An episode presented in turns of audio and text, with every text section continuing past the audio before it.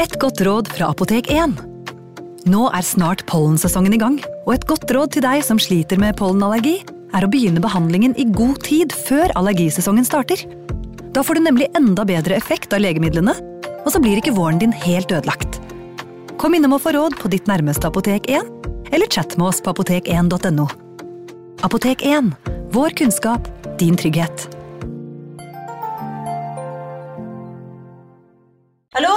Jeg kommer fra Oslo politikammer. Ine Jansen er purk. Er du purk? The motherfucking bitch. Alt jeg vil, er å finne ut hva som skjedde med mannen min. Jon Carew. Er jeg sikta for noe? Iben Akeli. Det er du. Ole So, Lars Berrum og Big Daddy Karsten. Hvem sin side er du på, egentlig? Anette Hoff, Tone Danielsen, Kommer du fra Afrika? Jørnis Josef, Nesten kløfta. Trond Espen Seim, Det er synd å si det, men det var feil mann som døde. Purk. Premiere tirsdag på TV2 Play. Hei! Takk for at du lytter til True Crime Podden dokumentar. Skulle du ønske at du kunne høre en ny episode av denne podkasten hver eneste uke? Vel, da er det bare å laste ned podkastappen Untold med en gang. I tillegg til ukentlige episoder av podkaster som Skrekkpodden, Synderne og True Crime Podden, får du masse annet reklamefritt og eksklusivt innhold. Last ned Untold i AppStore eller Google Play, og start din 30 dagers prøveperiode i dag. you.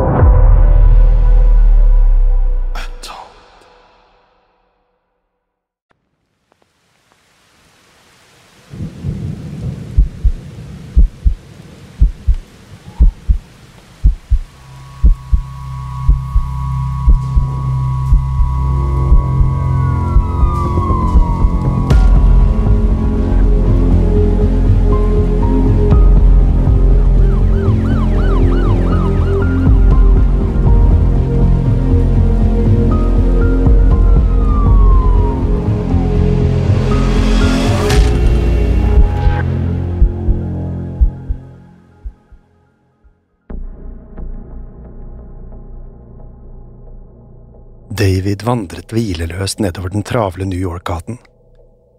Hendene hans skalv mens han gned fingertuppene mot tinningene. Innimellom knep han igjen øynene for å slippe å se de forvridde ansiktene til morgenpendlerne. Likevel kunne han ikke unngå å kikke opp fra tid til annen, slik at han ikke gikk på noen. Lyset fra den skarpe høstsolen sved i Davids øyne, som om han ikke hadde sett dagslys på flere døgn. Det var slett ikke tilfellet. David hadde nemlig tilbrakt unormalt mye tid ute. Han ville møte alle de som avskydde og foraktet ham. På den måten ville han overvinne frykten for dem. De stirret på ham med dype, mørke og innhulte øyne, som samtidig strålte av hat. David hadde skrevet til søsteren Rosalind at hun ikke behøvde å være bekymret. Selv om alle i New York hatet ham, trengte hun ikke å være redd for at noe skulle hende. Så lenge David visste om det, kunne han være ett skritt foran dem alle. Mens han snublet gjennom gatene og forsøkte å se så uanfektet ut som mulig, begynte den velkjente kriblingen på innsiden av skallen hans. David visste hva som ville komme, og forberedte seg på det verste. Den lille stemmen som hvisket ham i øret, var til å begynne med mild. Den skrek ikke til ham, slik den pleide å gjøre. Likevel var budskapet det samme som alltid. Snart kom det flere stemmer til.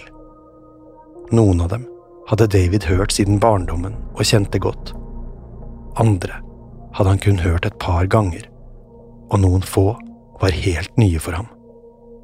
De startet med å hviske til hverandre, som om de forsøkte å planlegge noe uten David, men han hørte hvert ord. David stoppet inntil en butikkfasade og lente seg mot murveggen. Så hvisket han til stemmene at de ikke trengte å legge skjul på noe. Han kunne høre dem allikevel. Da var det som alle stemmene økte i volum på en og samme gang. De skrek David i øret så høyt at han nærmest krympet seg der han sto. Forbipasserende kikket bort på ham med nedlatende blikk og gikk i en bue rundt ham. New York City var full av sånne som David, og ingen brydde seg noe særlig, så lenge han ikke plaget dem. Stemmene hamret og ropte på innsiden av Davids skalle. Likevel kunne han høre hver og en av dem klart som dagen. De var kun fokusert på én ting. Stemmene krevde ødeleggelse, lidelse og død. David visste at det ikke var noe poeng i å kjempe imot. Når stemmene var så sinte som nå, var det bare én ting å gjøre. Han måtte lystre. Mannen som en dag skulle kalle seg for Son of Sam, het egentlig David Berkowitz, men fikk et annet navn ved fødselen. Han ble nemlig født Richard David Falco den 1. juni 1953 i Brooklyn. Moren, Betty Broder, hadde vokst opp i et strengt jødisk samfunn i New York og skulle ikke få noe enkelt liv. Miljøet Betty vokste opp i var spesielt strenge når det gjaldt kontakt med andre utenfor det jødiske samfunnet. Med opptaktene til andre verdenskrig rett rundt hjørnet var den jødiske befolkningen skeptiske til utenforstående. Mange var redde for at unge kvinner og menn skulle konvertere fra jødedommen om de fikk for nære relasjoner utenfor miljøet. Det var derfor en stor skam for Bettys familie da hun møtte en ung italiensk-amerikaner som het Tony Falco. Betty ble snart ekskludert fra miljøet, men det brydde henne ikke noe særlig. Hun var forelsket i Falco, og de giftet seg kort tid senere. Sammen åpnet de en fiskehandel i Brooklyn som de kalte Falcos Fish Market.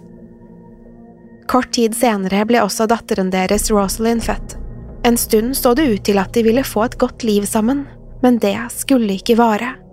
Da parets fiskehandel begynte å svikte, endret alt seg. Uten stamkunder var det vanskelig å få butikken til å gå rundt.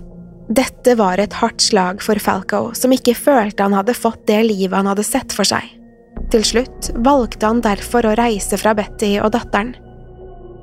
Selv om hun var knust og alene, var det Bettys ansvar å drive den konkursrammede butikken som best hun kunne. Det tok likevel ikke lang tid før hun ble nødt til å stenge dørene for godt. Nå hadde Betty ingenting igjen. Familien ville ikke ha kontakt med henne, og hun fikk ikke tak i Falco. Dermed var hun nødt til å klare seg med det lille hun fikk av støtte fra staten. Det var den eneste måten hun kunne forsørge den lille datteren. En stund var det vanskelig for Betty å få inn nok penger til å sørge for at både hun og datteren ikke sultet. Så, i 1950 skulle det endelig løsne litt for henne, men ikke akkurat på den mest konvensjonelle måten. Betty møtte en suksessrik forretningsmann som het Joseph Kleinman, og de startet et løst forhold til hverandre.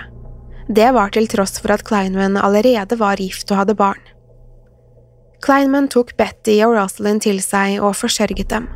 Selv om Kleinmans kone visste om ektemannens elskerinne, så det ikke ut til å plage henne.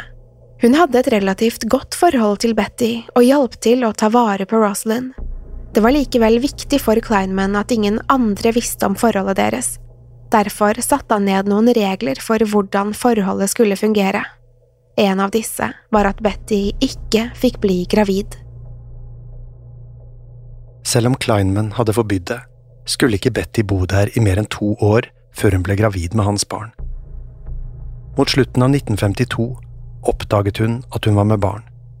Kleinman var rasende og ville at Betty skulle kvitte seg med barnet, men det ville hun ikke ha noe av. Kranglene deres tema ble ofte høylytte, og Betty skal til og med ha blitt så sint at hun ble voldelig. Til slutt skulle likevel Kleinman få det som han ville. Da den lille gutten ble født i juni 1953, gikk Betty med på å adoptere ham bort. Før det skjedde, fikk sønnen navnet Richard David Falco for å beskytte Kleinman fra skammen. Betty var opptatt av at sønnen skulle komme til et godt hjem, og valgte seg ut adoptivforeldre med omhu. Til slutt landet hun på det jødiske ekteparet Nathan og Pearl Berkowitz. Ti dager etter fødselen mottok de det nye barnet og døpte ham om til David Berkowitz. Nathan og Pearl var fornøyd med den nye sønnen sin til å begynne med, men det ble snart tydelig at han ikke var som andre barn. David ble mer utfordrende og ustyrlig for hvert år som gikk. Han ville ikke sove, og han kunne få voldsomme sinneanfall. Da skrek og slo han rundt seg, eller kastet lekene sine veggimellom. Til tross for disse anfallene elsket Nathan og Pearl sønnen sin. David fikk tidlig et spesielt nært forhold til adoptivmoren. Hun hadde det lettere med oppdragelsen av sønnen enn Nathan. Likevel skulle selv ikke Pearls evige morskjærlighet være nok til å forhindre at David fikk en vanskelig oppvekst. Allerede fra han var veldig ung, var han mye større enn andre barn på hans alder.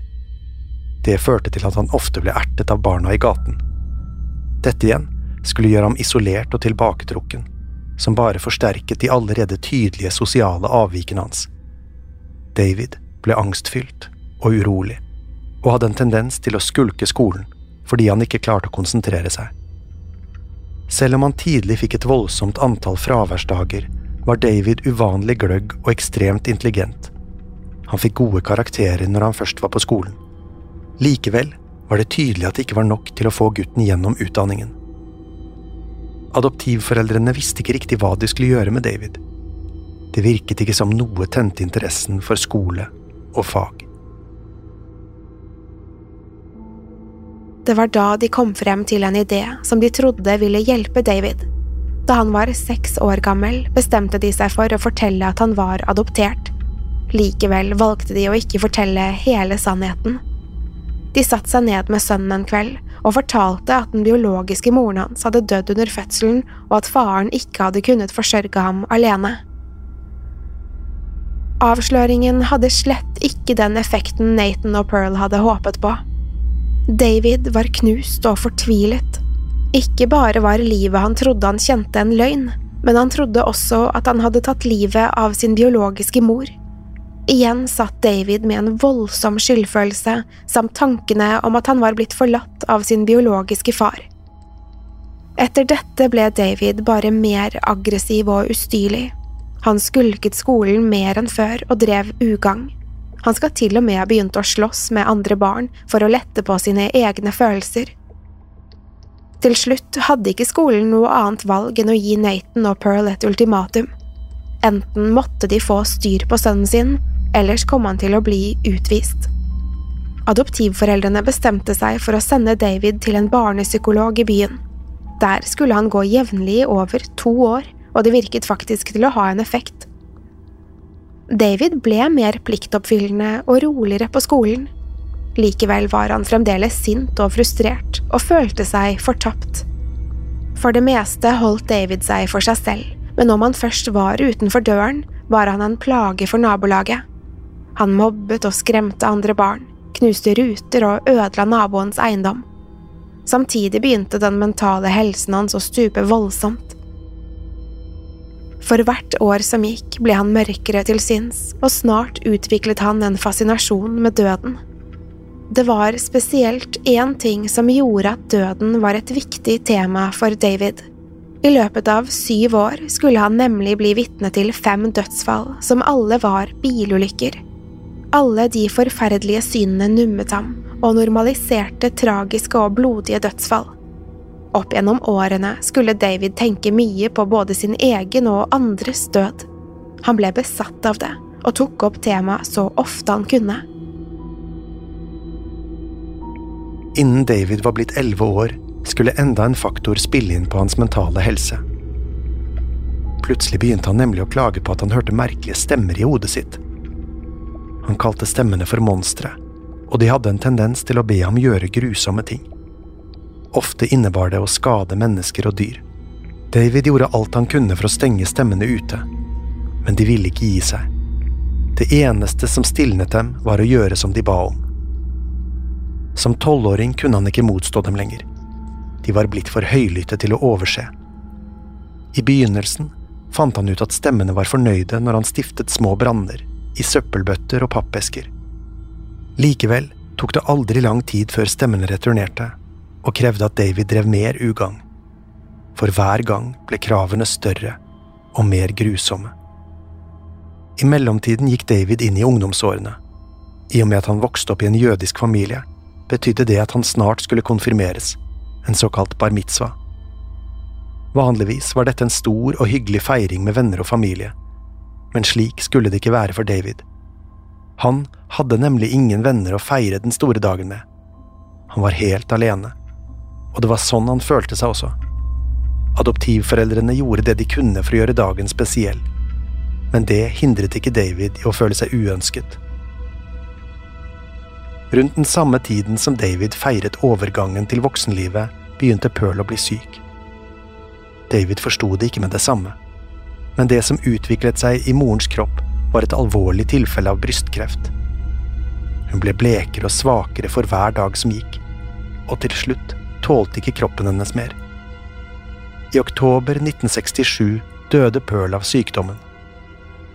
David var knust etter morens død. Hun hadde vært den eneste som noen gang hadde vist ham skikkelig kjærlighet og omtanke. Pearl hadde alltid vært der for ham og tatt vare på ham, selv de gangene han var på sitt verste. Nå var hun borte, og David satt alene igjen. Han følte at han ble straffet av høyere makter for noe han hadde gjort, men han kunne ikke forstå hva det var. Etter Pearls bortgang sank David dypere ned i depresjonen og de mørke tankene. Stemmene i hodet hans ble tydeligere og sintere enn før, og ba ham gjøre forferdelige ting. Brannene han stiftet, var ikke lenger nok til å stilne dem. De ville ha mer ødeleggelse og lidelse, og de hadde ikke tenkt til å gi seg før de fikk det de ba om. David begynte snart å fange og torturere dyr for å blidgjøre stemmene. Han begynte med insekter og andre småkryp, men det skulle ikke ta lang tid før dette ikke var nok for stemmene lenger. Da gikk han løs på større dyr som fugler og gnagere. David bandt de forsvarsløse dyrene fast før han sved dem med ild eller druknet dem. Samtidig mistet han stadig interessen for sitt eget liv. Selv om han ikke var suicidal i ungdomsårene, kunne han ikke forstå poenget med å leve. David følte at hele verden var ute etter å ta ham, og at ingen brydde seg om hva han gjorde.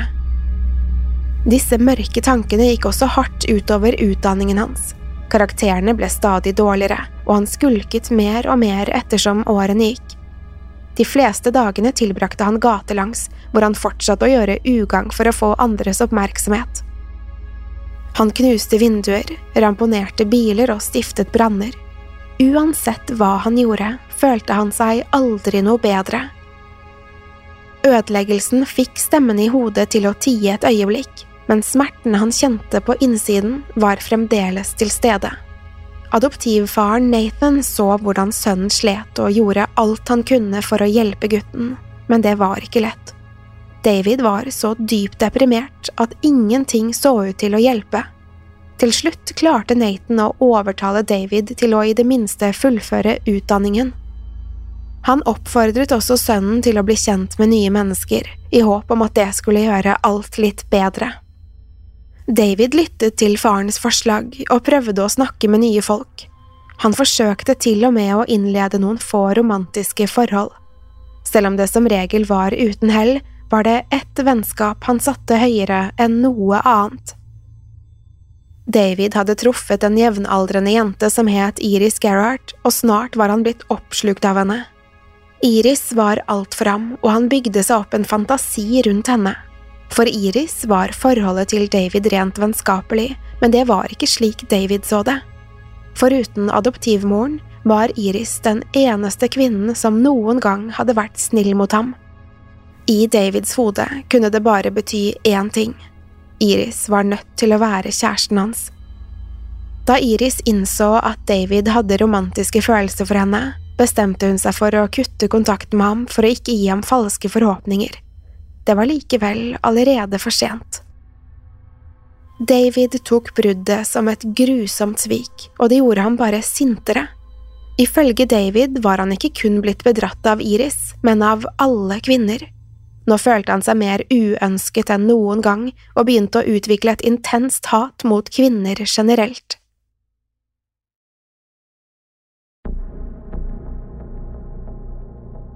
Innen 1970 bestemte Nathan seg for at nabolaget deres i Bronx ikke gjorde sønnen noe godt lenger.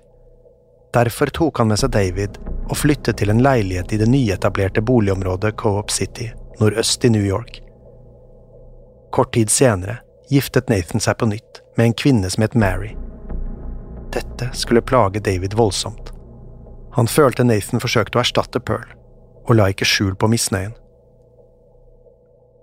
Til tross for alle avslag og omveltninger i Davids liv, klarte han til slutt å gjennomføre videregående skole med middelmådige karakterer. Det var mer enn noen hadde turt å håpe på, og Nathan var stolt av sønnen sin. Han følte at David hadde kommet langt på ekstremt kort tid, og at han hadde skjerpet seg nok til å klare seg på egen hånd. Derfor tok han med seg sin nye kone og flyttet fra New York til Florida i 1971. Nå var David igjen alene i storbyen. Han visste ikke riktig hva han skulle ta seg til. Det eneste som var sikkert, var at han følte seg ferdig med skole og utdanning. Den sommeren vervet han seg derfor til Forsvaret, i mangel på et bedre alternativ. Hadde noen i Forsvaret vært klar over Davids psykiske helsetilstand, hadde han sannsynligvis aldri kommet inn. Han gjennomgikk en evaluering av sin mentale helse, men ingenting uvanlig ble plukket opp. Dermed var 18 år gamle David Berkowitz på vei inn i militæret. David gjennomførte førstegangstjenesten og viste seg å være en dyktig skytter. Spesielt god var han med gevær på lang avstand. Etter førstegangstjenesten ble han derfor sendt til Seoul i Sør-Korea, hvor han var stasjonert som fredsbevarer. Det var her David skulle få sine første møter med tunge rusmidler og sex. Hans aller første seksuelle opplevelse skulle ikke være spesielt hyggelig, mens han hadde permisjon, reiste han inn til byen og betalte en prostituert kvinne for sex. David hadde vært uerfaren og klossete, og for å gjøre alt verre skulle han bli smittet av kjønnssykdommer. Dette gjorde at han skulle miste interessen for sex i en periode. Det sørget også for å kaste bensin på det allerede brennende bålet som var hatet hans mot kvinner. Han klandret dem for alt som hadde gått galt i livet hans, og la ikke lokk på frustrasjonen sin. Det var ikke bare den plagsomme kjønnssykdommen som gjorde oppholdet i Sør-Korea vanskelig for David. Heller ikke i militæret skulle han finne seg helt til rette. De andre soldatene gjorde stadig narr av ham. Selv om de var underlagt hans kommando, lo og pekte de bak ryggen hans. Dette førte til at han nok en gang ble ensom og innesluttet, som igjen gjorde at han sluttet å følge ordre. Dette var noe de øvrige offiserene tok på strengeste alvor. De kunne ikke ha en ulydig soldat i rekkene sine. Derfor ble han sendt tilbake til USA, til en base i Kentucky. Der skulle David gjøre et nytt forsøk på å komme på rett spor. Den siste tiden hadde han følt at jødedommen, som han hadde vokst opp med, aldri hadde gjort noe godt for ham. Derfor bestemte han seg for å konvertere til kristendommen.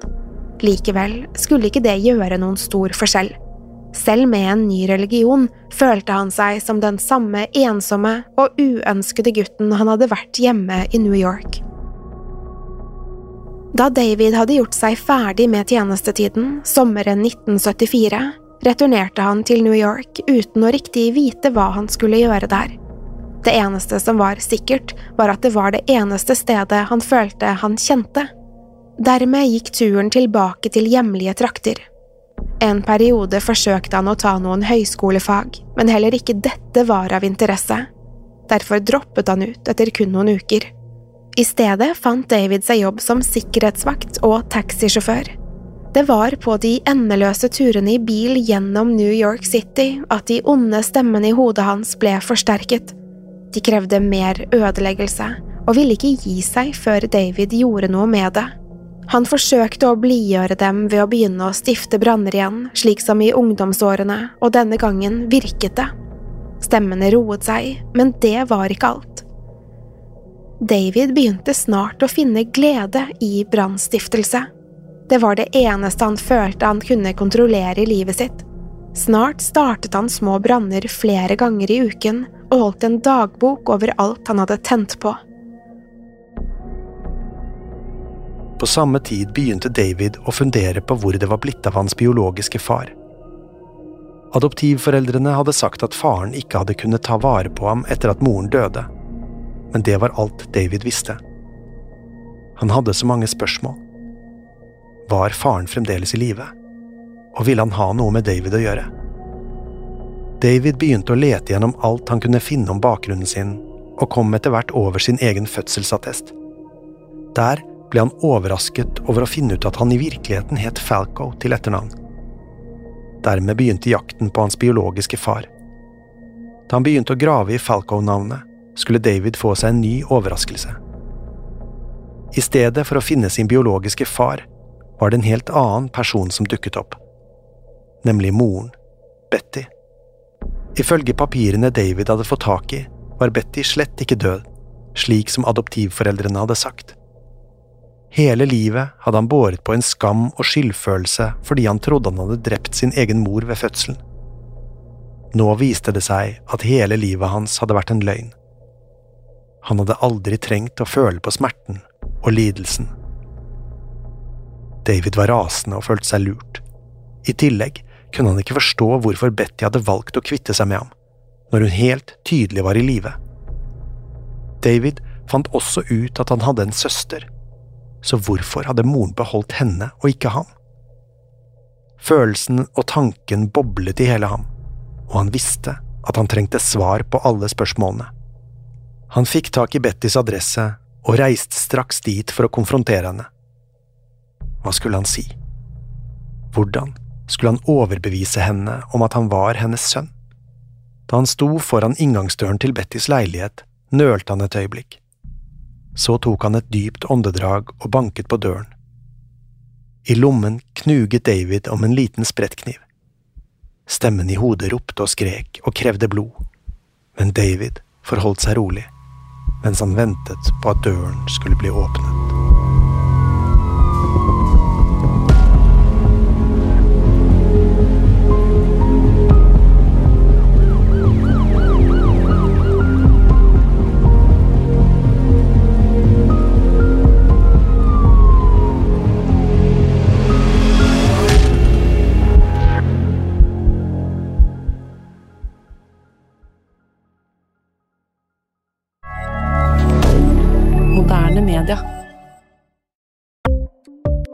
Ukens annonsør er Folio, en smartere banktjeneste for deg som har en egen bedrift eller ønsker å starte for deg selv.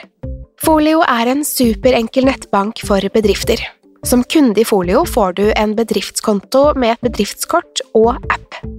I denne appen er det smarte løsninger som forenkler regnskapet ditt, uansett om du har en liten bedrift eller et enkeltpersonsforetak. Folio er både intuitivt og brukervennlig, og er laget med et enkelt språk. I tillegg tilbyr de forutsigbare priser og ingen skjulte gebyrer. Skulle du likevel trenge det, så kan du snakke med deres raske og hyggelige kundeservice, og der får du prate med en faktisk person og ikke en chatbot. Folio er med andre ord både enklere og koseligere enn banken. Over 10 000 bedrifter har allerede valgt Folio som sin banktjeneste, så besøk folio.no og se hvordan Folio kan forenkle din hverdag også. Har du et enkeltpersonforetak eller en liten bedrift?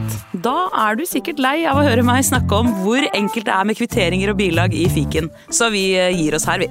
Fordi vi liker enkelt. Fiken superenkelt regnskap.